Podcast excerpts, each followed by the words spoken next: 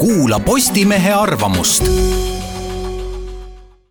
Postimees kolmekümnendal oktoobril kaks tuhat kaheksateist. Merkel võttis Ansipilt snitti mida siis Saksamaa liidukantsler Angela Merkel poliitilistele konkurentidele ja maailmale teada andis? ta ei kandideeri enam, see tähendab sel sügisel kristlike demokraatide juhiks, ega kandideeri järgmistel liidupäeva Bundestagi valimistel kahe tuhande kahekümne esimesel aastal.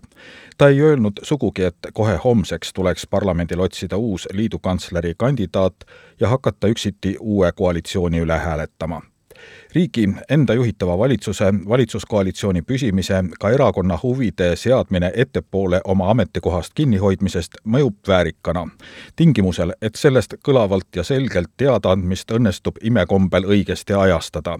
nii et jäädakse kuulama, mitte ei peeta seda üheks järjekordseks niikuinii kõikidele poliitikutele omaseks õõnsaks jutuks vahetult pärast Merkeli teadet avaldatud hinnangute järgi tundub, et trikk on õnnestunud, vaid vähesed tahavad end siduda kriitikaga liidu kantsleri sammu suhtes. see ei tunduks riigimehelik. Ja asi pole ainult tundumises. alles äsja on liidupäeval esindatud erakonnad töötanud läbirääkimistel pikki kuid kõikmõeldavate variantide kallal kuidas oleks üldse võimalik moodustada toimivat valitsust.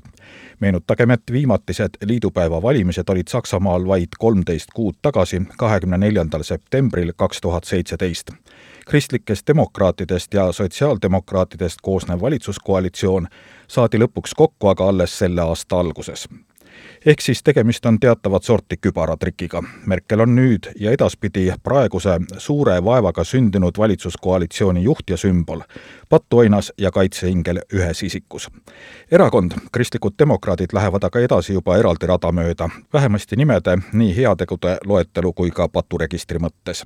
niisuguste minemise teadete ise patulunastajaks astumistega puudutatakse meis väga sügaval asuvaid keeli Need on lausa seesarlikud mängud näilise võimust loobumisega selleks, et tegelikult hoida võimu või saavutada veel suuremat võimu tegemist on küsimusega mõelge, mis saab siis, kui mina lähen. nii nagu nüüd paistab toimivat Saksamaal Merkeli hoiatus, toimis meilgi mõni aeg tagasi sarnane hoiatus ja olematute või olevate pattude lunastav omaksvõtt, kui seda aastal kaks tuhat kaksteist tegi peaministrina Andrus Ansip. mina lähen koos selle valitsuskoalitsiooniga kui selle valitsuse töövõime või koostöötahe mingil põhjusel juba enne järgmise Riigikogu valimist katkeb, siis lõpeb ka minu peaministriks olemise aeg.